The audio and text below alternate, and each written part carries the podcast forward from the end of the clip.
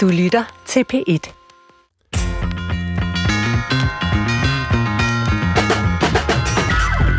Gode råd er dyre, siger man. Men det passer overhovedet ikke, for i dag er de nemlig gratis og troværdige. I hvert fald her den næste times tid, hvor vi tager små og store dilemmaer op i Brinkmans Brix.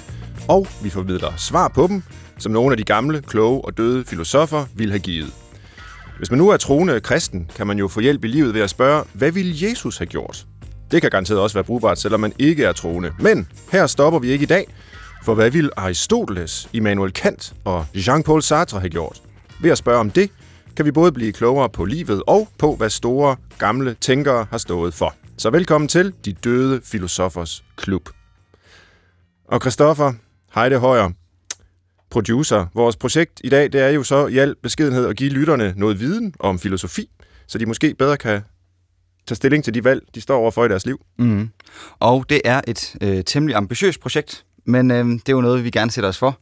Og det skulle jo have været foran et live publikum, hvor vi kunne have fået en masse dilemmaer ud fra, fra folket. Øh, desværre er videnskabsmødet, hvor vi skulle have været i dag, aflyst. Men det stopper os som sagt ikke, fordi vi har tre øh, afdøde filosofer i studiet, og dig, en nulevende. Øhm, og vi skal jo så blive klogere på alle mulige hverdagsdilemmaer. Ja. Men, Svend, hvad er en øh, filosof egentlig for noget? Ja, det er jo lidt øh, angstprovokerende at skulle svare på det, når man har tre af de tænkere i studiet, som har skabt øh, filosofien på mange måder. Ikke? Men øh, altså, man kan sige, etymologisk, så betyder det en, der elsker visdom. Og, øh, og i dag så kan man jo studere filosofi på universitetet, og der er det jo, øh, det har jeg selv gjort en overgang, og der, der lærer man så om alle mulige dybe spørgsmål. Øh, man lærer en måde at resonere på. Øh, men oprindeligt i det gamle Grækenland, hvor den vestlige filosofi i hvert fald fødtes, der var filosofi også en livsform. Mm. Altså, det var ikke bare øh, en intellektuel øh, leg, det var en måde at leve på, en måde at forholde sig til sin øh, eksistens på, øhm, som måske kan betragtes som en slags alternativ til en religiøs livsform. Men altså, det, det, alt det her det er jo omstridt, og det er i sig selv et kæmpestort filosofisk spørgsmål, hvad filosofi er. Øh, men, men, men det betyder i hvert fald en, der øh, elsker visdom. Og noget af det tidligste, mange filosofer havde gang i at diskutere og undersøge, det var etik. Ja. Og hvad er så det? Fordi det er ligesom en af rammerne for, for dagens program. Ja, altså i dag så taler vi jo om øh, etik og, øh, ja, og moral. Ja. Og i virkeligheden så er de jo i udgangspunktet synonyme. Etik er den græske betegnelse, og moral er den latinske. Man kan jo sagtens øh, definere dem på forskellige måder, og det er også et stort filosofisk spørgsmål. Men, øh, men i udgangspunktet så handler det jo om at søge svar på, hvordan vi bør leve, hvordan vi bør handle. Men også det er omstridt, alt efter hvilken filosofisk position man har. Altså, hvad man overhovedet forstår ved etik. Men, men, men det er sådan grundlæggende det. Altså, når man spørger, øh, hvad skal jeg gøre, hvordan skal jeg leve, hvad er det rigtige at gøre, mm. så, øh, så har man med, med, med, med det etiske at gøre. Øh, Så etik, det er i manges øjne, men ikke alles. Der er også nogen, der vender den modsatte vej. Alle de Men- forbehold, men, Svend. ja, ja, ja, men det er vi nødt til, når vi har med det her at gøre. Men, men så er etik øh, ofte, i hvert fald, de overordnede principper og moral, det er sådan det mere hverdagslige. Ja, jeg tror, vi skal have genoplevet de døde filosofer. Lad os det. kan komme, komme tættere på.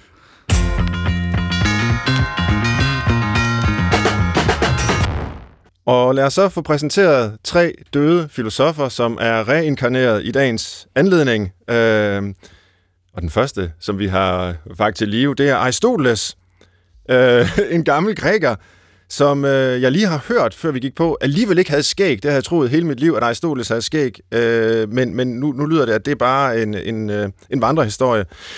Han blev født i 385 øh, før vor tid, er faktisk en af mine personlige favoritter, og derfor så er det også glædeligt, at vi i dag har en person uden skæg, Anne-Marie Søndergaard Christensen, til daglig professor i filosofi ved Syddansk Universitet, til at repræsentere Aristoteles. Så velkommen til dig, Anne-Marie. Tak skal du have. Og det er jo lidt sjovt med Aristoteles, fordi øh, han kunne sikkert godt lide kvinder, men han mente ikke, at kvinder var i stand til at filosofere egentlig, fordi de var ikke i Aristoteles øjne helt så fornuftige som mænd. Øh, jeg ved ikke, hvordan du ser på det, eller hvordan du så har det med i dag at skulle tale på vegne af en gammel mandlig filosof, der tænkte på den måde. Altså det er klart, at det er ikke sikker på, at Aristoteles ville være fuldstændig tilfreds med mig som repræsentant, Nej, fordi han ikke ville mene, at min praktiske fornuft og mit, særligt mit øh, øh, teoretiske intellekt var fuldt udviklet, udviklet, og derfor burde jeg ikke beskæftige mig med filosofi. Men jeg tror, det er et meget godt eksempel på, at man godt kan tænke meget rigtigt, og så også gå helt galt i byen. Og sådan bliver vi nødt til, tror jeg, at forholde os til Aristoteles også. Ja, og det synes jeg allerede er en god øh, indsigt, der er leveret der. Hvis du ganske kort skal fortælle lidt om Aristoteles og hans forhold til etik, øh, hvad vil du så sige om det? Jamen Aristoteles var, øh, altså, klassisk plejer man at sige, at han var elev af Platon, og han tænkte som de fleste andre grækere, så når han tænkte om etik, så tænkte han om etik inden for rammerne af dydsetik. Så det vil sige, at han så øh, et spørgsmålet, det er sådan grundlæggende spørgsmål, som spørgsmål om, hvordan man bliver gode mennesker, altså hvordan man udvikler en god karakter.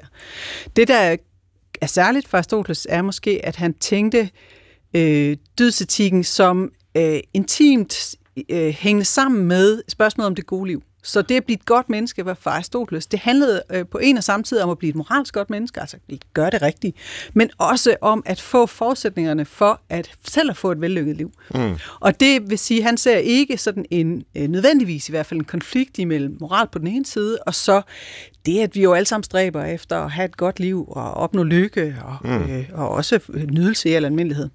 Og så var han meget konkret tænker. Altså han, øh, han, mange af hans eksempler sådan meget øh, nede på jorden. Hvad betyder venskab for et godt liv? Hvad betyder, hvordan opfører man sig ordentligt i venskab? Og det vil sige, at han har måske ikke på samme måde som andre filosofer en tendens til at flyve afsted øh, op i det abstrakte. Øh, så der er sådan meget konkrete råd at hente ja. hos Aristoteles. Og netop derfor er han jo utrolig velegnet til øh, de døde filosofers klub her, ja. og det er vi rigtig glade for, at du øh, stiller op for ham. Måske bare lige en enkelt forklaring på det her med dydsetik. Det kan være, at der er nogle lyttere, der undrer sig over dyd. Altså, skal vi være sådan nogle dyde i nogen øh, og sidde med benene over kors og hænderne over dynen? Eller, eller hvad menes med det begreb? Hvad er det for et begreb?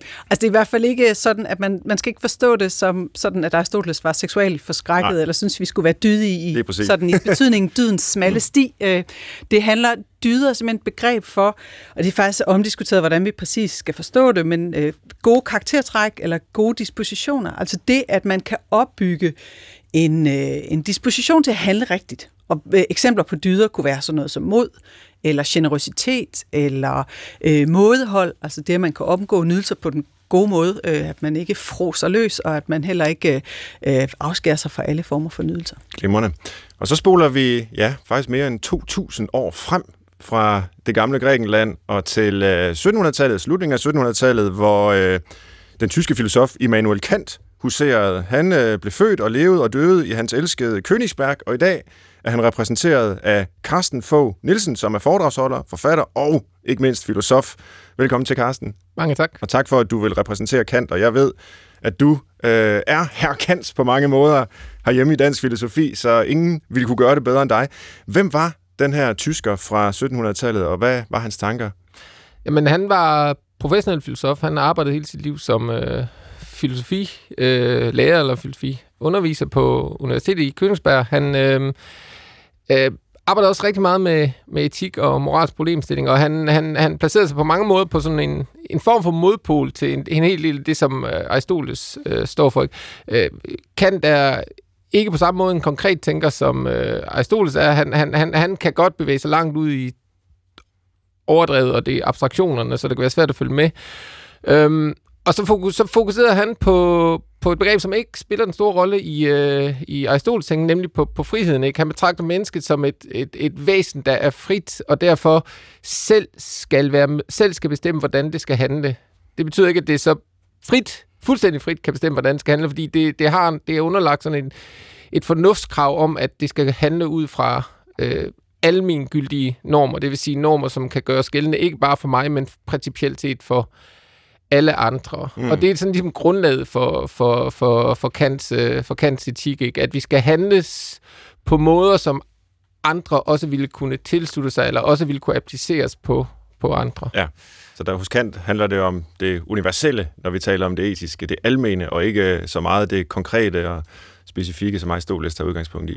Netop. Og, og så er der den anden side også, det er, at, at, at han i højere grad end Aristoteles nok var, var skeptisk over for følelsernes og lad os ja. kalde det lykkens øh, sådan betydning. Altså for, for Kant er der en klar modsætning mellem vores bestræbelse efter at være lykkelig at blive lykkelig, og så vores øh, sådan bestræbelse på at skulle være moralsk. Ikke? For Kant, der, det med lykken, det har en tendens til at blive meget selvisk og meget eninteresseret og stille sig i vejen for, at vi så gør det rigtige, som netop er at handle ud fra, hvad ville alle andre også kunne øh, øh, acceptere. Yes, det lyder også som om, det er måske en forskel mellem en førkristen græker som Aristoteles, og så en, øh, ja, en protestant, eller, eller i hvert fald en, der lever i en, i en verden, der er større end den græske bystat i hvert fald. Ja. Det kan også være det en af forskellene. Yes, glimrende. Til sidst, så skal vi så til, øh, til Frankrig og have rullekravsvætteren på, og de tykke briller, og sidde på venstre scenebred og ryge Gauloise, og, øh, og måske få en lille sjus i selskab med Jean-Paul Sartre, eksistentialisten, der levede fra 1905 til 1980. Og i dag så er Sartre repræsenteret ved, ved adjunkt øh, fra Center for Anvendt Filosofi på Aalborg Universitet, Kristen Lundsgaard Let. Tusind tak, fordi du er med, Kristen. Selv tak. Hvem var Sartre så? Og hvad, hvad stod han for? Nu sagde jeg, at han var eksistentialist. Øh, hvad, hvad ligger der i det? Jamen, øh, der ligger det i det, at Sartre i, sådan, i forhold til dagens øh, panel her er lidt atypisk måske at have med, fordi han ikke primært er etisk, der bes, etiker, der beskæftiger sig med, hvad der sådan er det rigtige at gøre, eller hvad man bør gøre, Øh, egentlig mener Sartre ikke, at der findes svar på den type spørgsmål. Det kommer vi nok til at vende lidt tilbage til. Han er allerede, vi får bøvl med dig, Sartre. Ja, altså. præcis. Han er en eksistentialist, der mener, at øh, mennesket er et væsen, hvis eksistens går forud for dets essens, og de værdier, man så skaber som eksisterende, har værdi, fordi man har valgt dem, og kun fordi man har valgt dem. Og der er han måske altså, øhm, i den der sådan eksistensfilosofiske tradition den allermest radikale figur, man overhovedet kan støde på. Det er godt. Vi kan også godt lide øh, et radikalt indspil her til dagens diskussion. Øhm, og vi skal igennem både små og store øh, etiske spørgsmål og dilemmaer, men jeg kunne godt tænke mig måske sådan lidt drillende at begynde med et meget aktuelt eksempel. Det er jo for nylig kommet frem, at Donald Trump, måske den mægtigste mand i verden, i hvert fald USA's præsident, nu på genvalg, øh, er blevet smittet med coronavirus. Og jeg må da indrømme, da jeg øh, hørte om den nyhed, så var min første reaktion, at det har han egentlig godt af. Altså en slags øh, skadefryd. Og så i sekundet efter, så bliver jeg lidt flov over min egen reaktion, for man må ikke fryde sig over, at ens medmenneske er blevet smittet med en sygdom. Øh, eller må man? Det er egentlig det, jeg gerne vil øh, måske lægge ud med som en slags øh, hurtig runde. Skal man skamme sig over, som jeg i den situation, at føle skadefryd, eller er det egentlig en, en legitim følelse? I, øh, i den situation, hvor vi har med Donald Trump at gøre. Det kan være, at vi skal begynde med, med Sartre nu. Du, øh, du er så radikal. ja, altså i det her tilfælde er det rimelig klart, at der ikke vil være noget klart svar. Ja. Altså, øhm, men for Sartre er det i hvert fald ikke krystalklart, kan man så sige, at det er forkert at føle det. Okay. Øh, han siger ikke, at, vi, at øh, hvad kan man sige, moralske værdier er bare aflæsninger af vores følelser. Det er de øh, helt konkret ikke. Altså eksistentialismen tror ikke på lidenskabens magt, og mennesket er ansvarlig for sin lidenskab. Men du kan vælge at sige, det er i orden at føle afsky eller skadefryd ja. over for sådan en som Donald Trump, og så er der intet sådan galt i det fra en eller anden mere overordnet moralsk synsvinkel, eller på baggrund af menneskets natur, eller hvad ved jeg. Men hvordan kan man egentlig være ansvarlig for sine følelser, øh, ifølge Sartres eksistentialisme? Fordi jeg har jo ikke valgt, at jeg skal føle skadefryd. Det opdager jeg, at jeg gjorde, og så er jeg straks i gang med at være flov over det bagefter. Jamen, det er på en måde netop det, der er pointen. Okay. Du har ikke valgt, hvad du føler. Vi kan opleve, at vi bliver søvnige, eller øh, sultne, men også at vi bliver jaloux, eller dogne, eller øh, ting, der er endnu værre, ikke? Og det ved Sartre godt ikke er noget, vi vælger, men du vælger, hvordan du forholder dig til det. Yes. Så øhm, du kan sagtens føle dogenskab, ikke? Men handle imod den følelse, og det vil i så fald være den værdi, du sætter. Okay. Men hvis vi skal sammenfatte uh, Sartres svar her, så er det egentlig, at det må man lidt selv om. Altså, det, der er ikke rigtig noget svar på, om man skal være flov eller ej over at føle skadefryd. Det, det er egentlig okay. Uh... Jo, jeg tror, det er et særligt, altså det er på en måde et godt eksempel på, hvor Sartre vil være en provokerende figur for mange moralfilosofer, fordi det er klart, at der intet sådan i udgangspunktet er forkert over nogen som helst følelse. Mm. Heller ikke den her slags mere sådan negative følelser. Nu, øh, Carsten Fogh Nielsen, du repræsenterer jo Kant, og du beskrev øh, før i din øh, introduktion til Kant, at øh, han ikke var så glad for at blande følelser ind i øh, moralfilosofiske overvejelser. Hvordan tror du, han ville se på, på spørgsmålet her omkring øh, skadefryd? Ja, det gode Kant, det er, at han har skrevet om så faldet meget, det er, at han har skrevet præcis om skadefryd, og for ham der er det netop en, øh, en følelse, vi bør undgå. Okay. Altså, jeg tror også, at Kant er udmærket og klar over, at det er en, en følelse, vi ofte bare finder os selv med. Øh, og det er for ham et af problemerne. Ikke? Hvis det er noget, vi bare finder os med, så, så er vi ikke i en vis stand, så er vi ikke frie, hvis vi bare gør det, som følelsen vil have os til. Ikke? Øh, og skadefryden har yderligere den, det problem ikke. Den er typisk rettet mod nogle andre eller et andet menneske, og det er mm. det, der gør det problematisk for Kant ikke, fordi vi skylder, vil Kant sige, alle mennesker som rationelle væsener respekt, og skadefryd er ikke, øh, det er ikke udtryk for respekt for den anden som et, øh, som et fornuftsvæsen. Så han er helt klart, at det er ikke okay, og vi skal prøve at komme af med det, hvis vi kan. Men hvorfor egentlig? Fordi man kan jo sige, at, at jeg sidder og læser morgennyheder og føler skadefryd. Altså hvis det ikke i øvrigt har nogen som helst indflydelse på, hvordan jeg handler, kan det så ikke være lige meget, hvad for en følelse jeg har, øh, hvis det ikke går ud over nogen, at jeg har den? Der, der tror jeg så faktisk, at et stykke af mig faktisk være enig med Aristoteles. Nej, men det siger noget om dig som menneske, at du er sådan en, der føler skadefryd. Øh, og det, er ikke, det siger ikke noget godt om dig, at du føler skadefryd ved, at andre mennesker får det dårligt. Desværre, Svend. Han er så streng, ham kendt. Nå, Aristoteles, skal jeg hente lidt hjælp hos dig? Vil du sige, at det er godt nok, øh, jeg er god nok, som jeg er, jeg behøver ikke at skamme over min skadefryd? Jeg tror, hvis du vil have det svar, så tror jeg, du skal holde fast i Sartre. Ah. Altså, øh, men, fordi Aristoteles vil sige lige præcis det, som Kant siger, at det siger noget om dig som person. Ja. Men han vil også sige, at, der, at det, dyden er netop, hvordan vi forvalter vores følelser. Og han mener faktisk, at der er en objektivt svar på, hvordan man bør forvalte sine følelser. Et svar, som dog er øh, sådan noget i retning af på den rette måde, på det rette tidspunkt, i det rette kontekster med de rette mennesker, ikke? Også, så, så det er så ikke så konkret. Men han vil, han vil sige, at øh, det her med for eksempel at føle negativt omkring andre folk, det er jo også noget, der hænger sammen med den måde, du handler på. Dine følelser er en integreret del af dig, og det er en del af dyden, hvordan du forvalter dem. Og det vil sige, hvis du øh, øh, føler på øh, måder, som ikke er, er optimalt gode, så vil du også nemt komme til at handle på måder, der er optimalt, ikke er optimalt gode. Mm. Så det, det for samme, han siger, at meget af det, vi skal gøre, når vi arbejder med at være dydige, og Aristoteles ved godt, at det er vi sjældent helt, det handler faktisk om at forsøge at øh, ændre vores følelser. Det er ikke sådan noget nemt at gøre, men det kan vi godt hen over tid. Ja. Øh, så, det, så det, du har, det, du fandt ud af i morges, det er, at du har noget at arbejde med. Ikke? Ja. Øh, det, det er jo sådan set, øh, nu er jeg jo meget på linje med Aristoteles i, mange ting, og, og lige præcis det her, hvad følelserne angår, synes jeg er utrolig spændende. Og der har jeg indimellem opdaget, eller ja, når jeg ligesom har, har talt om det med nogle folk, at der i dag er mange, der mener, at alle følelser er rigtige, som de er. Og det er måske så inden for den pædagogiske verden, der er sådan lidt det udgangspunkt at sige, at børn har altid de rigtige følelser, og det er egentlig ikke i orden at gå ind og, og censurere dem, eller fortælle dem, at de har nogle forkerte følelser. Og det jeg så bare lige hører der siger Anne-Marie øh, Søndergaard Christensen som repræsentant for Aristoteles, det er, at, at det er faktisk ikke rigtigt. Altså, vi, vi bør egentlig på en eller anden måde øh, forfine, forbedre vores følelsesliv, øh, så, så der kan sagtens være forkerte følelser. Ja, det vil jeg mene, eller det vil Aristoteles mene. Øh, men hvad hedder det? Det han ville sige, det, hvis man skulle være aristotelisk pædagog, så vil han sige, det, det er næsten rigtigt, hvad, der er, hvad pædagogerne siger. De skal sige, det er den følelse, du har. Mm-hmm. Ikke?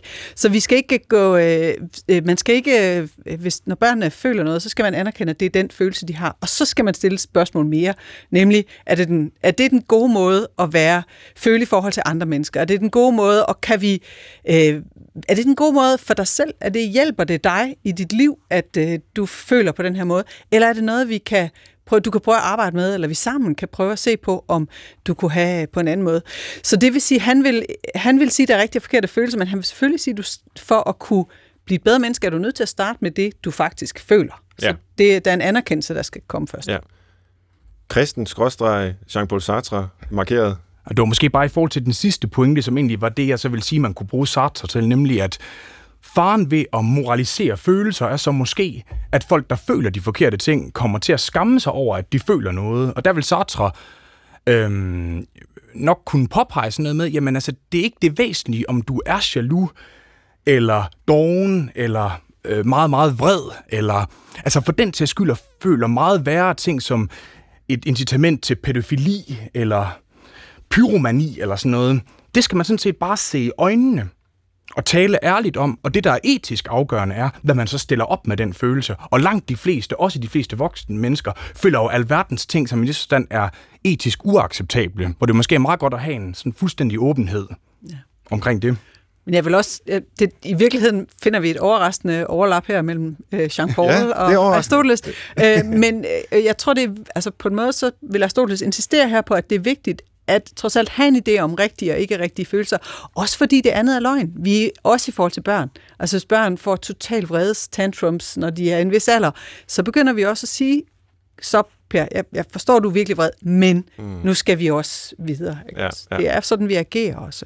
Så hvis jeg nu sammenfatter, ikke fordi der skal være konsensus omkring det her spørgsmål, og det er der heller ikke helt, øh, Sartre er måske lidt øh, til en side for sig, men, men, men både Kant og Aristoteles vil egentlig sige, at jeg bør skamme mig over min skadefryd. Øh, hvilket jo så også øh, er oplysende, i og med, at der så er grunden til indimellem at skamme sig. Og det kunne være, at ham, jeg føler skadefryd over, måske kunne tage lære ved det. Øh, nu tror jeg ikke, han lytter til det her program. Men øh, ja, lad nu det ligge. Vi forlader Donald Trump og, øh, og coronavirus og ønsker ham alt mulig god bedring. Og så går vi til et måske lidt mere alvorligt dilemma. Man kunne betragte det her måske som øh, opvarmningen, nemlig om, øh, om penge. Lad os øh, tænke på en person, der mangler penge. P- faktisk så har personen så få penge, at man ikke rigtig kan klare de faste udgifter, og man står over for en større udgift, øh, fordi en søster skal giftes, og der forventes en fin gave. På vej hjem fra arbejde i bussen, så sætter man sig så, den der mangler penge, på en plads, og der ligger en taske på pladsen ved siden af. Man kigger i den og ser, at der ligger mindst 10.000 kroner. Det er desværre en ret sjælden oplevelse, at man finder sådan en taske med 10.000 kroner i. Men spørgsmålet er selvfølgelig nu, hvad skal man gøre? Lad os begynde med Kant. Carsten Fogh Nielsen, hvad vil Kant sige? Du skal aflevere pengene til politiet. Det var ikke særlig svært. Nej, men hvorfor? Øh, af flere grunde. Altså, det mest oplagte er, at kan han, og han diskuterer næsten det her, selv det her eksempel, ikke? han siger, ja. at, at kan du ville, at det princip, du så handler fra i den her situation, at det kan blive en almindelig lov, som alle handler ud fra. Og hvad vil der ske, hvis alle rent faktisk gjorde som princip, for eksempel, at øh, når hver gang jeg har brug for penge, så må jeg for eksempel øh, afgive falske løfter, eller hvis jeg finder penge, så må jeg beholde dem ikke. Hvis alle gjorde det, øh, en konsekvens, kan er ikke så glad for at snakke om konsekvenser, men lige her er han tæt på. En konsekvens, det vil være, at der vil altså, komme sådan generelt nedbrud i folks tillid til hinanden. Det vil også betyde, at man ikke mere kunne være i stand til at have sådan noget som institution, som løfte, eller at man kan stole på, at folk i det store hele, hvis man glemmer noget, så bliver det afleveret igen. Ikke? Øhm, øh, og, og den slags ting har vi brug for. Øh, så det, det er sådan et argument, ikke? det er, at, at kan vi ville, at den, det princip, vi handler fra i den her situation, ikke, det kan gøres til almengyldig lov. Måske skal du lige forklare den der, det sprogbrug, som, som jo er øh, altså, man siger, citeret fra Kant, hvor det der med, man skal kunne ville, det er jo sådan en ja. hel øh, opstabling af en hel masse verber, som kun tyskere kan, kan finde ud af. Ikke? Og, og, og det igen, hvad, betyder det? Så, så er vi tilbage til det med, med friheden. Ikke? Det er, at når du står og overvejer, hvordan skal jeg handle, ja. Øh, så, så, så, så det spørgsmål, du skal stille, at det er i første omgang, altså der kan det jo et eller andet sted også en, der har inspireret øh, Sartre, ikke? mennesket er frit. Ikke? Du er ikke bestemt af, hvad du føler, eller hvad din behov eller du, det er dig, der bestemmer, hvordan du skal handle. Det, hvor han så adskiller sig fra Sartre, det er at sige, at der er altså nogle principper for, hvordan du bør beslutte at handle. Og det princip, du bør beslutte at handle ud fra, det er et princip, der siger, er det her noget, som kan gøres til sådan øh, gældende for alle, altså gældende for alle andre. Ja. Øh, man skal tage alle andre i en eller anden forstand i betragtning, når man overvejer, hvordan man skal handle. Det er ikke kun dig. Kan en måde at sammenfatte en del af det, kan sige på, det er, at den værste moralske sådan, ting, man kan forestille det er at gøre en undtagelse for sig selv. Ikke sige, jamen jeg må godt lige i den her situation, altså jeg har jo brug for penge, så må jeg godt beholde de 10.000. Altså selvfølgelig må alle andre ikke, det ved jeg godt, men, men jeg må godt, og der sker jo ikke noget ved det. Nej. Så gør du en undtagelse for dig selv, ikke? Og det, det er sådan et andet argument, kan har ikke. Altså kan du virkelig ville det her, at det skal være noget, som alle kunne gøre i den ja. tilsvarende situation? Og hans svar er, at det vil være, at det kan du faktisk ikke. Det kan godt være, at du bedrager dig selv og tror, at du kan gøre det, men det kan du ikke. Og hvad vil der egentlig ske, ifølge Kant, hvis man så bare gjorde det alligevel? Altså, hvad, hvad, skulle man ikke bare være ligeglad med det? Altså, okay, så er der en eller anden øh, almen lov om, at man skal kunne ville, at det, det er en hver lignende situation osv., og alle skal gøre det samme, og jeg er ingen undtagelse. Men hvis jeg er en undtagelse alligevel, hvis jeg gør en undtagelse, hvad så? Altså et problem der, vil kan sige, det er, at så handler du i modstrid med din egen natur. Altså hvor kan det menneskeligt? Og der han tror jeg faktisk, så kan det være enig med Aristoteles mange forskere, men også enige, der, der er en menneske, der har en grundnatur. Menneskets grundnatur er at være et fornuftsvæsen. Mm. Og at være et fornuftsvæsen, det er, at man kan tænke almindeligt abstrakt. Du kan tænke ikke bare ud fra dit eget perspektiv, men ud fra alle andres. Ikke? Og det, du gør der, ikke, det er, at du ligesom benægter den evne ved dig selv. Ikke? Du benægter det helt grundlæggende karakteristikker ved mennesket, at vi er fornuftsvæsener. Du lader noget andet bestemme, nemlig din ene interesse. Ja. At det, hvad, hvad der gælder for mig, det er det vigtigste. Og har Kant noget at sige til mig, hvis jeg så sagde, jamen okay, så benægter jeg det, men det vil jeg gerne gøre for 10.000? Altså, at, at, at han vil have det... Altså, han vil, det, det, tror så, det, det er det forkerte spørgsmål at stille, fordi det, det er der, hvor det er ikke mere filosofer, der skal svare på det der. Det er noget andet. Det er politiet, og-. Sådan noget. Det, der, det filosofer gør, det er at forklare, hvorfor det, du foretager dig, er godt, skidt, rigtig, forkert. Hvad grundene kunne være til at gøre det ene, eller det andet, eller det tredje. Vi kan ikke tvinge dig til at gøre det. Det vil også godt nok være en besynderlig form for filosofi, hvis man sådan nærmest fysisk skulle ud og gøre et eller andet for at forhindre Ja, folk i at handle uret. Jamen, det er modtaget. Og så kan man sige, at i filosofien, så er det jo ikke kun øh, sige, svarene, der gives på de her spørgsmål, der er interessante. Det er jo også begrundelserne for de svar, fordi svarene er ofte overensstemmende. Jeg går ud fra, at de fleste af os, der også står i studiet her, vil mene, at man skal, selvfølgelig skal aflevere noget af penge, der ikke er ens egne. Øhm, men hvorfor? Det kan være, vi skal gå videre til Aristoteles. Øh, ja, nu må du rette mig, det kan være Aristoteles ville mene, at man bare skulle rave dem til sig og, og glemme alt om det og, og være glad for det. Men Ej, Nej. øh, øh, ej. Der er han, øh, han ingen overraskelser der. Øh, det skal siges, at Aristoteles jo ikke øh, tænker nær så meget over ejendom, som øh, mange nutidige eller moderne filosofer gør. Og det, øh, det synes ikke at have været en problematik, som han øh, finder særlig interessant. Eller som har sådan, øh, så det her med etik hos os meget er knyttet til ejendom, det er det ikke for Aristoteles. Der er meget mere det, øh, det her med at få et liv til at lykkes sammen. Øh, Men Aristoteles vil jo sige, at du skulle være et ærligt menneske, du skal være et retfærdigt menneske, det er typer af dyder, og et ærligt og retfærdigt menneske øh, tager jo ikke ting, som ikke er deres egne. Nej. Ikke også? Øh, Og det er igen, det kommer man ret hurtigt fornuftigt til at indse, ikke? Der hvor, og der er, det er ikke, øh, hvis man følger sin natur, så vil fornuften hjælpe en. Og her, det skal måske siges, at det her med fornuft hos Aristoteles, det er både alment, altså det handler om at tage det almene, men så integrere det konkrete i det konkrete. Mm. Og der er jo noget interessant ved dit eksempel, som er, hvis vi skal gå meta på det, at man gerne vil have de her penge for at give en gave, at der er en forventning om, at det her stakkels fattige det. menneske Det komplicerer det lidt. skal, øh, skal øh, give en gave, som vedkommende faktisk ikke har råd til mm. at give. Og der tror jeg, to pointer, som Aristoteles vil komme med her. En handler om individet, der vil sige, der skal man som, hvis man skal være et dydigt menneske, så skal man også have en vis uafhængighed. Altså man kan ikke være så øh, påvirkelig af andres forventninger til, hvad man skal gøre, når man kan se, at de er ufornuftige mm. et eller andet sted. Det er jo ikke fornuftigt at forvente, at folk kan give en gave, der er langt ud over deres økonomiske formåen. Men der har også noget om kontekst. Altså Aristoteles mener faktisk også, at det her med at blive gode mennesker er noget, som også stiller krav til, vor, til vores sociale sammenhæng, eller til det politiske, eller til, til vores, øh, det mellemmenneskelige. Så han vil også mene, at der er noget galt i dem, som stiller den her forventninger. Så man kunne også sige, hvad er det for et type samfund, der forventer gaver for folk, som de ikke har råd til at købe. Ja, det er godt. Øhm, ender vi også hos politiet i sidste ende, øh, hvis vi spørger Aristoteles Ja. lidt på samme måde som hos Kant, altså, jamen okay, så er der en menneskelig natur, og der er nogle dyder, der burde byde mig at levere de her penge til, til politiet og den rette ejermand. Men hvis jeg nu bare er ligeglad med min natur, Jamen, hvis du lige går der så noget af mig af den grund? Øh, ja, men det gør der for Aristoteles. Ja. Øh, Han vil mene, at så det, som du i sidste ende... Altså fordi for ham for eksempel sådan noget som ærlighed, er for ham noget, der selvfølgelig gør, at du handler rigtigt, men det er faktisk også noget, du har brug for, for at lykkes i dit liv. Altså hvis du er et meget uærlig menneske, og du snyder, og du rager til dig, når du kan komme til det, så øh, får du nogle andre problemer. For eksempel det, at ærlighed betyder rigtig meget i relationer til andre. Ja. Så, så på andre områder kan det pludselig vise sig, at din uærlighed betyder, at du får svært ved at have venskaber, eller gode parforhold, eller have et ordentligt forhold til din familie, eller den slags ting. Tak, Anne-Marie Søndergaard Christensen. Du lyder som om, du faktisk øh, mener det samme som Aristoteles, så helt oprigtigt. Og det, Ja, men det må man er tæt på her. også. Ja. Ja. Nå, Christen Lundsgaard Let, skråstreg Jean-Paul Sartre, vores øh, ildre franskmand. Hvad, hvad, hvad skal vi gøre med de 10.000? Jamen, Sartres svar vil igen være helt kort, at det er der ikke noget fuldstændig klart svar på. men, øhm, men det er måske, altså, hvis man sådan skal gøre ham til sådan en form for metaetiker her, i forlængelse af de to andre svar, Og metaetiker, det du er ved sådan en, der som- taler på et lidt højere niveau, Ja. om ikke, hvad skal man konkret gøre lige her, men hvordan overvejer vi det overhovedet?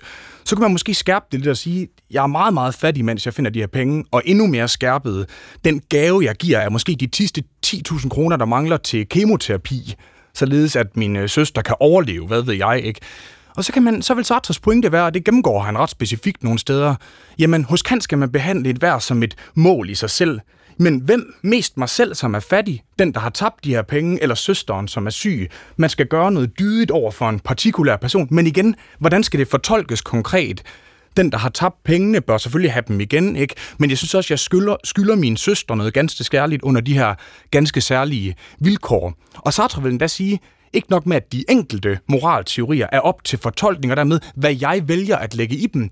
når jeg så kigger filosofisk ud over landskabet og ser, nogle er dydsetikere, nogle er pligtetikere, nogle er nytteetikere, ikke? man skal gøre det nyttigste, så, så er der ikke en eller anden super etisk position, du kan, der kan, øh, kan, du ved, komme og dømme levende og døde etikker. Du skal træffe et valg om, hvilken af disse etikker du vælger. Så værdien for Sartre bliver altid spolet tilbage til et valg, du træffer, mm. og det er der, værdien sættes.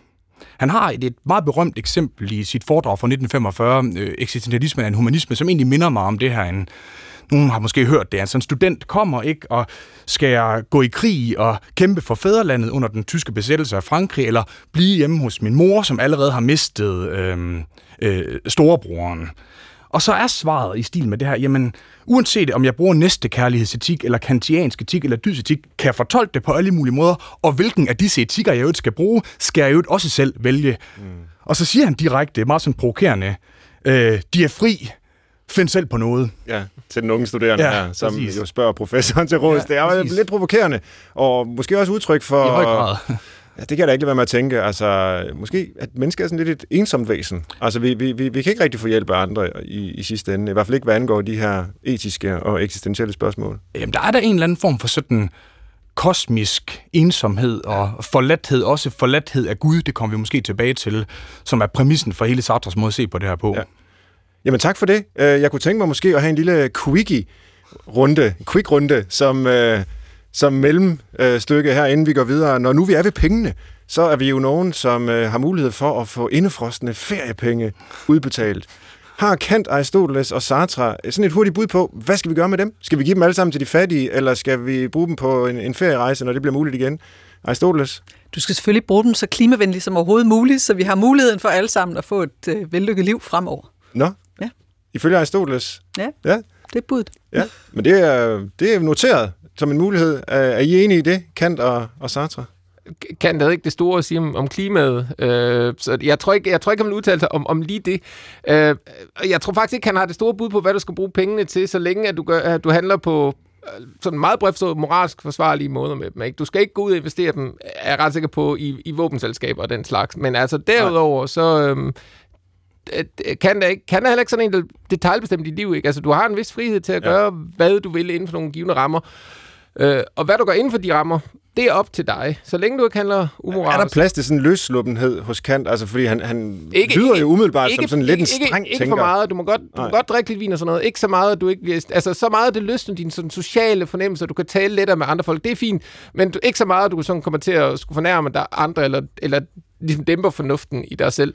Hvordan man lige rammer det der meget fine, fine, fine rum der mellem det at være social og det at have drukket for meget, det, det har kan ikke så meget at sige om. Men altså, ja, han var selv glad for et godt glas rødvin. Det er faktisk et lidt vigtigt punkt for mig, så nu noterer jeg lige, altså, ville det være okay med Kant, hvis man for eksempel helt hypotetisk brugte dem på nogle rigtig gode flasker rødvin? Øh, det tror jeg faktisk, han selv ville mene. Han, han, han kunne godt selv i rødvin, så ja. Tak. Nok Kant. bedre at give dem til, til støtte til uland og sådan noget, men altså... Nå, Ja. okay. Sartre, har du et bud? Jamen, han, jeg tror i hvert fald, han vil sige, at fremtiden er meget usikker, ikke? og nu sætter jeg mig lige Sartre sted. Jeg tror, Ja. det, jeg er sådan fremskrevet til at kunne, kunne gå på pension som 72 år, ikke? så det ved vi slet ikke, om kommer til at ske, det der. Få pengene udbetalt og bruge dem på noget, du virkelig brænder engageret og lidenskabeligt for. Om det så er rødvin eller klimakamp, men også bare spare op til billetter ud i det ydre rum, altså, hvad ved jeg. Ja. Det kan være ret meget forskelligt, hvis du virkelig brænder for det. Tak for det. Det er meget nyttig øh, rådgivning her, synes jeg. Øh, meget bedre, end jeg kan få hos mine psykoanalytikere. Så øh, vi går videre og har et, øh, et dilemma, og nu læser jeg det lige op. Det er jo nærmest en helt øh, masse og monopolet her, men, øh, men nu får, får vi det så i du-form. Du har levet i et monogamt forhold i et stykke tid, men kan ikke lade være med at kigge og flytte rundt på arbejdspladsen. Og når man er ude at få et glas, måske er den her gode rødvin, vi talte om før. Og du kan mærke, at du enten skal vælge at blive i forholdet, åbne det op, eller blive single. Altså, det er øh, det store spørgsmål om romantisk kærlighed, vi har med at gøre her, øh, og den menneskelige relation, som er knyttet til det. Hvad vil vores filosofer sige? Øh, lad os begynde med dyden i midten. Aristoteles, det kan lytterne ikke se. Aristoteles står meget passende ved Anne-Marie, Anne-Marie Søndergaard Christensen i midten her, og, og har jo selv den her idé om dyden i midten, så værsgo. Men Du sagde jo før, at Aristoteles ville sige, at vi skal kunne øh, øh, integrere det almene i det partikulære. Øh, og det vil sige, han siger, det, ved jeg ikke noget om, for så vidt, så, så langt som du er kommet. Altså, det handler jo okay. om, hvad er du for en person, og hvad er, det, hvad, er det vigtigt, hvad er det for en type relation, du har, og hvor, altså, for eksempel den her, øh, øh, hvad hedder det, øh, når, er det bare en lille tiltrækning til at gøre noget, eller er det, er det en dybfølt, er det noget, du vil kunne håndtere på en ordentlig måde, eller øh, og altså kunne komme ud over, eller er det noget, du er nødt til at, at agere? Er, dit, er din relation god, den du er i nu? Er det en, der er værd at bevare, eller er det i virkeligheden handler det om, at du, har, du begynder at kigge den anden vej, fordi mm. den ikke er god? Så altså, vi, vi er langt fra at kunne sige noget fornuftigt øh, Altså, vi er jo nok også ved et punkt, hvor vores øh, nuværende seksualmoral, uanset hvordan man ser på den, jo er i høj grad påvirket af en kristen livsanskuelse, ikke? Altså med, med ægteskab og, og troskab og sådan noget. Og Aristoteles levede jo før. Altså hvis vi skulle, okay, hvis vi skal blive helt konkrete, så vil han simpelthen have helt andre syn på, hvad kærlighed er. Øh, hvor det her med øh, ægteskab i meget høj grad også handlede om et arbejdsfællesskab, hvor man øh, fik en oikos til at fungere, og så var der andre et hjem. typer. Øh, et hjem, øh, ja. Mm. En, øh, en, øh, og sådan et udvidet hjem, ikke? En, en husholdning, på, også, øh, som jo også til dels var et sted, hvor man producerede, øh, hvad hedder det, havde et lille landbrug og den slags ting. Mm. Øh, så det skulle fungere. Og så var der også andre typer kærlighed, særligt øh, venskabelig kærlighed, som Aristoteles synes var helt central i menneskelivet, og som er den kærlighed, man kan have mellem to mennesker, der er øh, uafhængige af hinanden, men på samme niveau og gensidigt tiltrukket af hinanden. Øh, så det er ikke en erotisk kærlighed, øh, men det er øh, det der meget, for Aristoteles vil mene det meget tætte forhold, man kan have til nogen, hvor man netop ikke er gensidigt afhængig, men samtidig kan mødes om noget, som man begge finder virkelig spændende og interessant. Mm. Og, og, det, og de her ting, de skærer på tværs af den her øh, traditionelle, ja nok efter kristlige, eller kristne diskussioner om monogami versus ja. øh, utroskab. Lad os prøve at, at høre Jean-Paul Sartre, fordi øh, uden at jeg ved alt om Sartres øh, personlige liv, så øh, tror jeg ikke, at han var typen, der holdt sig til en kvinde i et livslangt forhold, heller ikke engang til Simone de Beauvoir. Så hvad, hvad er det rigtige at gøre her? Jamen altså, jeg tror egentlig, der er det der slægtskab her mellem Sartres position og Aristoteles' at Godt nok så kender Sartre jo til kristendommen, men han protesterer til gengæld ekstremt højlydt og polemisk imod den måde at se det på. Og han vil helt klart sige, ikke, at øh, altså, det er selvfølgelig op til den enkelte. Det er det altid hos Sartre, hvad man vælger at sætte som en værdi. Men der kunne godt være en pointe øh, hos Sartre i simpelthen at gøre op med den sådan borgerlige moral, som ligesom kridter banen op for, at det er nok bedst, hvis vi finder sammen i nogle faste kernefamilierelationer, og så i øvrigt er tro mod hinanden. Hvorfor egentlig det? Jamen, fordi vi har lært, uden rigtig at kunne huske, hvorfor man skal skamme sig over det med det kropslige, og det med at have sin lidenskab alt for flagrende. Og der, altså Sartre leder jo selv i den type åbne parforhold. Ja. Så for ham handler det heller ikke om, at man skal vælge sådan uærlighed og sanselig nydelig, nydelse på bekostning af tosomhed. Det er bare en anden form for ærlighed, altså eksistentiel autenticitet, mm. hvor man simpelthen tør stille sig op imod den herskende kultur, selv hvis den så prækker kernefamilie og kristen moral, og gøre et eller andet andet. Og det kan man sådan set sagtens gøre i ærlighed og autenticitet sammen med en anden. Ja. Det tror jeg, Sartre var ret overbevist om, at han og Simone de Beauvoir gjorde. Altså, så kan man fortælle en side af den historie, hvor det nok var noget mindre rosenrødt, ikke? Øh. Og det kan være, at vi skal høre gode gamle Immanuel Kant, fordi øh, ja, uden at Kant måske nødvendigvis havde så meget personlig erfaring med romantisk kærlighed, men det kan være, du kan fortælle os om det, øh, Carsten Fogh Nielsen, så tror jeg umiddelbart, han vil se lidt anderledes på spørgsmålet end, øh, end, end de to her. Det er en stående diskussion inden for kantforskningen i, hvor høj, hvorvidt Kant nogensinde havde sex. øh, vi har ikke noget belæg for eller imod. Vi har nogle breve, der blev sendt, men vi ved ingenting. Nej. Så, øh, når der kommer til det der spørgsmål, altså Kant kan svar på det vil nok være ret enkelt. Han havde en definition af, hvad et ægteskab var. Et ægteskab, det er en kontrakt, hvor to parter indgår en, altså en, en aftale om et gensidigt brug af hinandens kønsorganer. Og så tilføjer sig med, med henblik på forplantning. Man skal ikke bare gøre det, fordi det, det er sjovt. Øhm, og det, det, det betyder, at, svaret derfor kan er ret klart. Ikke? Altså, hvis du er i et ægteskab, det er så skal du ikke rende rundt og lave ting med andre. Og han brød sig heller ikke om, altså tanken om, om ægteskab, det var heller ikke noget, der sådan var, eller hvad er det, skilsmisse var heller ikke noget, han, han sådan gik ind for. Øh, og det, det lyder umiddelbart jo vældig fjollet, og øh, Hegel, sådan en af Kants efterfølgere, sagde selv, at det var, sådan, det var en skandaløs forståelse af, hvad et ægteskab og hvad kærlighed var det her. Ja. Øh, hvis man skal redde lidt fra den, og det, det tror jeg godt, man kan, så er det, hvad Kants argument er for præcis den her forståelse af øh, ægteskabet. Og det er, at en kontrakt er noget, der indgås mellem to ligeværdige parter, hvor man ikke kan tvinges til at indgå den. Og noget af det Kant var bange for, det var, at lige præcis i den seksuelle relation mellem andre, der kan tvang meget let komme ind i billedet. Og den tvang vil typisk være manden, der tvinger kvinden. Altså, han, han, han, er, han er tæt på at sige de her ting. Uh, han siger det ikke så eksplicit, som jeg gerne vil have ham til det. Han er tæt på at sige det her nogle gange. Ikke? Men en måde at forstå hans forståelse af det der med øh, ægteskabet på, det er simpelthen, at det er en måde at sikre øh, kvinden mod mandens overgreb, og det kan for Kant inden for hans begreb, der den kun ske igennem en kontrakt, okay. øh, som så er ægteskabet. Øh. Men så går det jo fra at være, fordi da du først beskrev ja. det her med kontrakt og retten til at bruge en andens kønsorgan, så lyder det jo ekstremt øh, fremmedgørende ja. og, og mystisk, ikke? Men, men, men pludselig handler det om at beskytte en potentielt svagere part. Ja, og det, det der nok er problemet, det er, at, at det her, det synes jeg, at være Kants eneste svar på det her problem. Man kunne mene, der var en lang række andre måder, man skulle gå til der på kulturændringer og ændre syn på kvinder og mænds relationer og alt muligt andet, som er oppe i tiden nu. Ikke? Men det her, det var, det var så tæt, kan nok komme på det der på det ja. spørgsmål. Det lyder lidt som, nu, nu må du rette mig, men nu har vi fået en ny samtykkelovgivning ja. øh, med hensyn til, til voldtægt. Ja. Øh, kan den, er den begrundet ved, ved Kants filosofi, eller kan den begrundes ved, ved Kants argument? Et, et langt stykke hen ad vejen kan den faktisk, vil jeg mene. Altså, han vil ikke... Øhm, ikke at han har så meget at sige, men, men det kan den, fordi altså, en kontrakt er en, en det er en, kan bryde sig ikke om sex uden for ægteskabet dybt set. Så hvis han overhovedet Han bryder sig ikke om sex så, i det hele taget, men ja, skal det absolut være. Men, men så. altså, der er, der, er, der er noget ved det her, ikke, som, som ligger klart i, øh, altså klart, kan, der, er en, der er en form for frivillighed, eller en form ja. for sådan eksplicit samtykke, som kommer ind ved Kant. Ikke? Altså, han måde formulere det på, og hvad han konkret tænker om det, er nok ikke noget, vi kan bruge i dag, sådan helt konkret. Men de, nogle af de bagvedliggende tanker er, synes jeg, sådan set fornuftige nok. De skal nok bare gentænkes relativt kraftigt.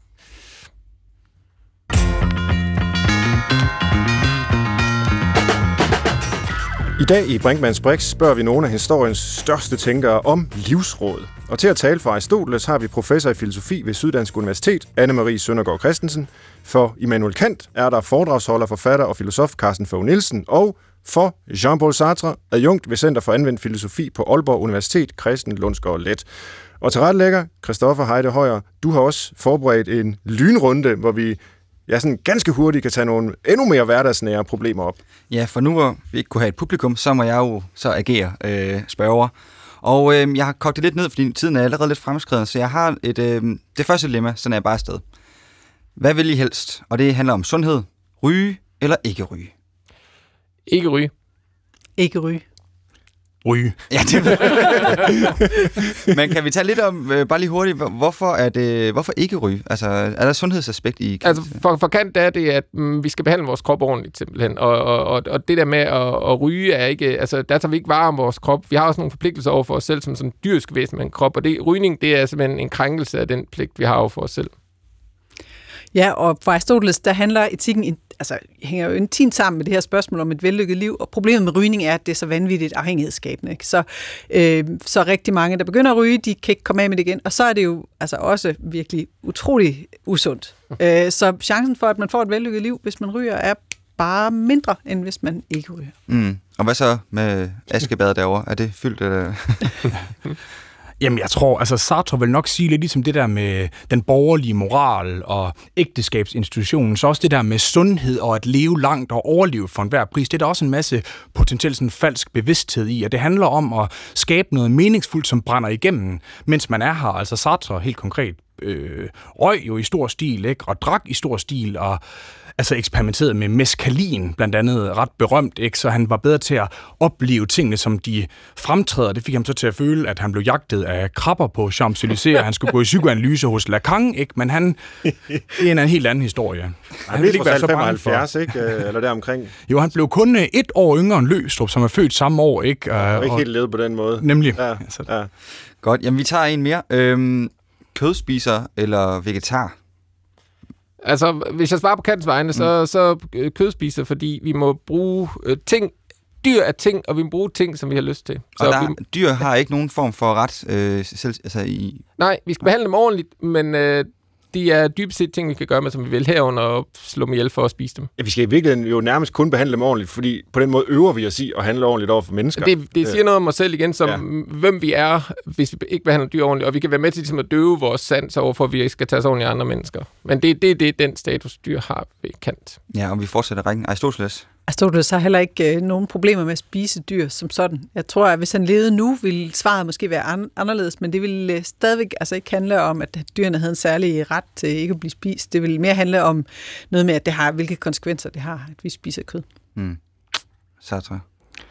Jamen, øh, kødspiser er nogle grunde, der minder lidt om det hos Kant. Altså, mennesket er noget særligt værende øh, væren for sig, som forholder sig til sig selv. Det er det, vi også kalder frihed. Vi er ikke bare, hvad vi er, men vi kan vælge at gøre noget. Alt andet værende, inklusiv øh, dyrene, er væren i sig og har ikke den samme sådan frihedsstatus. Men der er så til gengæld ikke noget, der forhindrer en sådan opdateret sartrianer i at vælge lidenskabeligt øh, at gå ind i kampen for dyrs rettigheder. Det kan man sagtens gøre. Mm. Nu får jeg egentlig lyst til at stille et meget provokerende tillægsspørgsmål, fordi både ved Sartre og Kant, der lyder det som om, at det er den her menneskelige øh, evne til at være fri, som de så beskriver måske lidt forskelligt, men trods alt det, og, og hos Kant er det selvfølgelig også meget fornuften, som ligesom øh, gør, at vi har nogle særlige rettigheder, som dyrene ikke har. Derfor så må vi godt spise dem, men vi må ikke spise hinanden. Men hvad nu, hvis vi har med mennesker at gøre, som ikke ja, er Man kan ikke udelukke for Sartre, at mennesker kan spise hinanden. Jamen, jeg tænker på for eksempel øh, altså, folk, der er i koma og, og måske er, er lagt i koma og ikke har udsigt til at komme ud øh, af koma igen. Altså, det er jo ekstremt makabert og ubehageligt øh, at tænke på, men det er jo udelukkende for ligesom at afprøve de her filosofers argumenter. Vil det principielt være forkert at, at, at spise andre mennesker i den situation? Ja, Sartre, skråstrej kristen, du, du siger nej. Ja, det gør Sartre i hvert fald. Ja. Øhm, ligesom mennesker. Jeg tror i hvert fald ikke, at han, han vil på en måde ikke kunne udelukke det. For, Sartre beskriver Che Guevara som det fuldendte menneske, og han kæmpede jo med revolutionære midler, der også førte til en krænkelse af måske en af de aller yderste pligter hos Kant, nemlig at man ikke må slå nogen ihjel. Mm. Så selv det kan være til, at man altså øh, et, et menneske, der har øh, tabt, der ikke længere forholder sig refleksivt til sig selv, er ikke længere et frit menneske, ja. og så deltager det i den gruppe af værende ting, ligesom et bord og en gråsbur og en brevkniv, ja. der har sin essens sat forud for sin eksistens, så er man sådan set ikke længere eksisterende. Ja. Man er måske et artseksemplar af homo sapiens, men ja. det er noget andet. Men, men man er principielt som en ting, og, ja. og Carsten, du nævnte med Kant før, at øh, jamen, altså, dyrene er jo egentlig bare ting, vi kan gøre med dem, hvad vi vil. Det siger noget om os, hvad vi gør med dem, men hvis de bare er ting, og hvad nu, hvis mennesket i, i den situation desværre kan blive til en ting, han, han diskuterer ikke, altså, han diskuterer kun overfladisk det der med, hvad hvis andre mennesker har den der status. Han diskuterer, hvad der sker med os selv, hvis vi gør det. Han har et eksempel med en, en mand, der bliver bit af en, øh, en gal hund, og så overvejer, jamen, altså, kan sige ellers, vi må ikke slå os selv ihjel. Men hvis jeg bliver bit af en gal hund, ved jeg ikke bliver rask, og er til fare for andre. Så, så stiller han som spørgsmål, okay. må jeg i den her situation slå mig selv ihjel? Og det er ikke oplagt at svare for ham, nej hvad han vil sige, jeg, jeg er ret sikker på, at han vil sige, at vi skal ikke spise andre mennesker. Jeg er ikke sikker på, hvad hans argument vil være for det, fordi øh, han har den meget skarpe skille mellem fornuft og ikke fornuft, som gør nogle af de her spørgsmål sådan lidt problematiske for, for Kant. Ja. Aristoteles... Øh... Ja, Aristoteles har nemlig også, øh, tror jeg, et bud på det her, fordi, øh, som er et lidt andet bud. Øh, han øh, diskuterer, altså når han, når han siger, at etik hænger sammen med det gode liv, så er det et langt perspektiv, og han diskuterer faktisk også, kan det påvirke vores, om vores liv var godt, hvad der sker med os efter døden. Og det bliver han enig med sig selv om, at det kan det godt i nogle, øh, i nogle tilfælde, og der tror jeg klart, at hvis vi, man kunne forestille sig, at hvis, øh, hvis øh, jeg døde og så blev spist, så ville det, det ville tyde på, at, at der ikke var en respekt om mig, eller jeg ikke fik lov til at blive lagt til hvile, og det ville for Aristoteles faktisk være, øh, også være påvirket, om jeg havde et godt liv, og dermed øh, ville det være forkert øh, for andre at, at gøre det. Okay. Ja, så. Altså bare lige sådan, så Sartre kommer til at lyde som sådan en anti-dyreetiker. altså pointen er på en måde mere med det der frihedsnåde, at mennesker kan vælge at kæmpe for dyrs rettigheder, men dyr kan ikke vælge at kæmpe for menneskers rettigheder. Og der er ikke nogen værdi. Vi, vi må opgive øh, ideen om hos Sartre, at der er en værdi på forhånd. Vi skal bare finde ud af, hvad den er. Værdien er, at vi vælger at gøre det, og man kan sagtens vælge at kæmpe for dyrs rettigheder. Hmm. Ja. Sidste ting her fra lynrunden. Øhm, jeg starter med Sartre, fordi du har konkret stået i den situation. Vil du tage imod øh, Nobelprisen litteratur? Jamen, det prøvede jeg i 64. Øh, ej, det, det, Sartre blev tildelt Nobelprisen litteratur i 64. Han var jo også øh, romanforfatter og skrev en meget berømt roman fra 1938, der hedder Kvalme. Måske skal lige gøre det kort. Nej, Ej, bare lige hurtigt opdatere, ja. Hvad var det, han gjorde? Øh, jamen, han takkede nej til at modtage Nobelprisen i litteratur i 64, og hvis man altså googler, ikke, hvem vandt, så er der bare, at det, ingen fik den det år, fordi Sartre takkede nej. Men udover at det er fransk... Han er den eneste, hvis nok, ja. der nogensinde har gjort det. Selv Bob Dylan, øh, selvom han ikke mødte fysisk op, så, så modtog han faktisk hæderen og sendte en, en Klart. tale. Ikke? Og selvom jeg er ret sikker på, sådan mere biografisk, at noget af forklaringen er fransk arrogance, ikke? så, så er der også en filosofisk forklaring, som er, at, at der hører en essens med til at vinde Nobelprisen, nemlig at være en stor forfatter. Og så længe et menneske eksisterer, så er det i gang med at skabe sin essens. Det er det sådan set så først færdig med den dag, det er dødt, og så eksisterer det ikke længere. Så man kan ikke sige ja på en konsistent måde, som Sartre træner til, og blive til et eller andet helt fasttømret, mens man stadigvæk er i gang med at skabe sit livsprojekt. Heller ikke øh, at modtage Nobelprisen i litteratur. Mm. Og kort for de to andre, øh, Aristoteles. Hvis man, havde, hvis man selv vurderede og, og med rimelighed og efter fornuftig gennemtanke, at man havde fortjent det, ja. Det havde Aristoteles. Han havde, han havde fortjent Ja, han har fortjent det. Han ville også have sagt ja. Ja, det ville han da helt klart. Altså. Jeg, jeg tror også, øh, Kamil har sagt ja. Han ville have undret sig, fordi han selv ikke mente, han var den store skribent, og det kan man Havde nok set ret i. Ja. Ja, det brugte han selv over flere gange, men, men jeg tror, han ville sige ja igen ud fra en betragtning om, at, øh, at i, i hvert fald hvis man, hvis man mener, man har fortjent det og har gode grunde til det. Glimrende. Vi kan nå et enkelt øh, spørgsmål, øh, tror jeg, og øh, lad os tage fat på et af de allerstørste spørgsmål, som vi mennesker kan stille os selv, nemlig spørgsmålet om Gud og det religiøse. Så historien er som følger. Du har ondt i livet. Du kan ikke finde et ståsted. Du mærker, at der ikke rigtig er nogen svar på det hele. Men så ringer det på døren, og der står den venlige præst, der tilbyder dig troen. Det kunne være skægt at begynde i det gamle Grækenland, fordi nu er det jo en kristen præst, forestiller vi os, der står og tilbyder troen. Så hvad havde Aristoteles af forhold til Gud, Anne-Marie? Altså først så skal jeg jo lige overkomme øh, min sådan lettere panik over, at jeg faktisk ikke aner, hvad Aristoteles mente om religion. Nej. Øh, og jeg ved, ved ikke engang, om det er, fordi der ikke, han ikke mente noget, eller jeg bare ikke kan huske det. Øh, så, så nu, jeg har lige, øh, som øh, Aristoteles, Altså, har Aristoteles har lige... på mange måder opfundet hele den her øh, række af filosofiske ja. underdiscipliner, hvor en af dem jo er religionsfilosofi, Det er men, men det findes jo ikke. Nå, men det, det, det er der vel ikke hos ham? Altså, Nej, det tror jeg ikke. Men altså, jeg, jeg måske har sådan lige... Øh, Aristoteles har lige en lille smule hukommelsestab her omkring, hvordan... Øh, Ja. øh, men... Øh, øh, og så er det en anden ting, som er interessant, og som også gør det lidt svært for Aristoteles at svare på det her spørgsmål, som er, at hele det her spørgsmål om mening er også et, altså på mange måder, essentielt moderne spørgsmål. Altså det kommer i, med moderniteten, og det er simpelthen ikke øh, den her idé om, at, man, øh, at det er en stor trussel mod ens tilværelse, at man ligesom ikke kan se nogen pointer, og ikke kan se noget formål med at gå videre.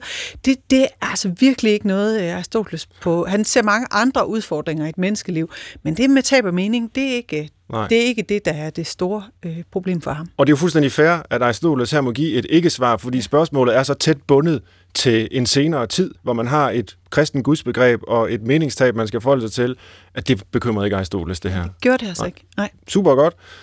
Øh, Sartre, tro på Gud eller ej? Øh, bestemt ikke. Altså, der, det er noget af det, han Ja, er det er helt klart. sikker Ja. på rent faktisk. Ikke? Altså, han citerer også Nietzsche, eller en af Nietzsches karakterer, for at sige, at Gud er død, og i forlængelse af det en, en romanfigur fra Dostojevski, at derfor er alt tilladt.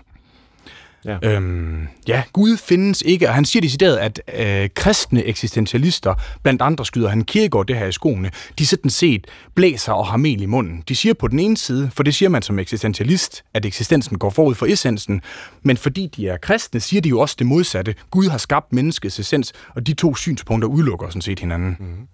Okay, så det var klart svar. Don't do it, når præsten kommer. Øh, Immanuel Kant, hvad siger han, Karsten? Øh, ikke at du skal tro, det tror jeg ikke, man kan tvinge folk til. Han, han vil mene, at for, for så vidt vi kan tænke om Gud, eller tænke om Gud, så kan vi tænke om ham som et praktisk postulat. Vi kan ikke bevise hans eksistens. Vi kan ikke sige, at han sikkert eksisterer. Vi kan, vi kan tro på ham for visse praktiske formåls skyld. Og det betyder, at for Kant bliver Gud primært en moralsk figur. Han bliver ikke en, der giver mening at tale om, at han har skabt verden og ting og sager. Han er en, der tjener en rolle i vores mulighed for at kunne leve sammen på moralsk forsvarlige måde og tænke os om os selv som moralske væsener. Øh, så i den forstand, øh, der, altså, Kant var selv opvokset i en stærkt troende familie.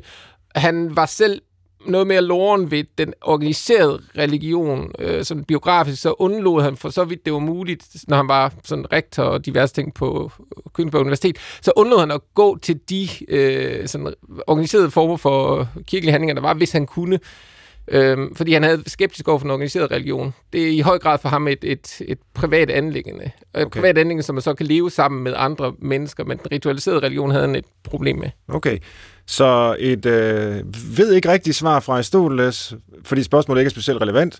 Et klart nej fra Sartre, og et... Øh, Ja, hvad kan vi sige? Det må du selv om. Det, nu kommer kan til at lyde helt ligesom Sartre. Ikke, ikke, ikke selv om, for så vidt du er et øh, moralsk væsen, så spiller en eller anden opfattelse af Gud en rolle, ja. men øh, det er ikke en rolle, der kan institu- institutionaliseres Nej, på den præcis. måde, som kirken faktisk ja, har gjort. her er det jo netop præsten i, altså, som repræsentant for kirken, der kommer. Jamen, det er jo godt. Et fast element i programmet, det er, at vi slutter af med listen. Vi sender tre gode råd, eller en lignende, nogle gange også dårlige råd, ud til lytterne som en op- forsøg på opsamling af hele den diskussion, vi har haft. Jeg synes, vi skal prøve det samme i dag, og gøre det på den måde, at jeg spørger hver af jer, Aristoteles, Kant og Sartre, nu hvor jeg har givet en masse råd og forklaret om syn på alt fra kanibalisme til Gud, øh, hvorfor skal man være varsom med at, at, at tage imod råd fra jer? Først Aristoteles. Er der en grund til at, at, at lytte lidt med varsomhed? Absolut. Øh, Aristoteles mente, at dyd var noget, man selv udviklede, og øh, også selv havde et ansvar for at udvikle den fornuftige del af dyden, det han kalder fronesis. Og han vil også mene, at øh, et hvert moralsk spørgsmål, det er et konkret spørgsmål, så der skal man bruge sin fronesis til netop at tage sin viden om det gode, men så at undersøge spørgsmålet konkret. Hvad er der på spil her? Hvad, hvad, hvordan foreligger det? Og det vil kun den, der er så at sige, involveret i spørgsmålet, kunne gøre. Mm-hmm. Så derfor skal man ikke sådan, at man ikke kan tage mod råd fra andre, men man, skal ikke, man kan ikke bare gøre det, de siger. Nej. Det vil være moralsk problematisk. Så en selvhjælpsbog fra Aristoteles hånd, det ser vi ikke noget af. Men du det, handler, det, det handler måske mere om moralsk udvikling. Det ja. kan han hjælpe med. Men, øh, men de her konkrete spørgsmål, der er man så øh, on your own. Carsten har kendt en uh, tilsvarende advarsel mod sig selv, hvis man kan sige det på den måde. Ja, og han har skrevet den. Det står i hans oplysningsskrift. okay. Uh, oplysning af menneskets udgang af det selvforskyldte umyndighed. Det betyder for Kant, at uh, som oplyste væsener, der er vi selv ansvarlige for at træffe beslutninger om vores liv.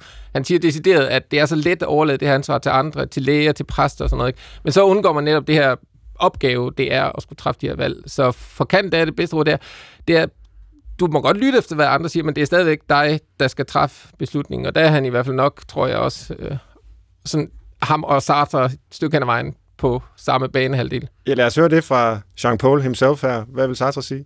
Jamen nok lidt i samme stil, altså fordi Sartre er så overbevist om, at der ikke findes krystalklare moralske svar hentet fra den menneskelige natur, som hos Aristoteles, eller fra fornuften, som hos Kant, så ser han kun det alternativ, at så er det subjektet eller individets individuelle valg.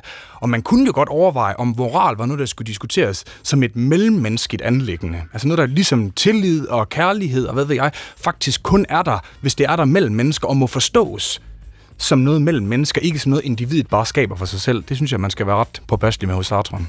Tusind tak. Og du har lyttet til Brinkmann, Brinkmanns Brix på P1 i en særudgave i dag, hvor vi har haft besøg af Aristoteles, Immanuel Kant og Jean-Paul Sartre i form af henholdsvis professor i filosofi ved Syddansk Universitet, Anne-Marie Søndergaard Christensen, og foredragsholder, forfatter og filosof Carsten Fogh Nielsen, samt endelig adjunkt ved Center for Anvendt Filosofi på Aalborg Universitet, Christen Lundsgaard Let.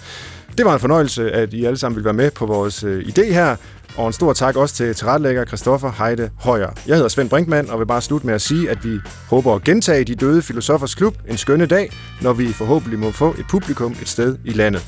Derfor opfordrer sig til at skrive livsdilemmaer ind til os på brinkmannsbrix.dr.dk. Hvad vil I gerne have svar på, eventuelt fra nogle af de gamle døde filosofer? Tak for i dag.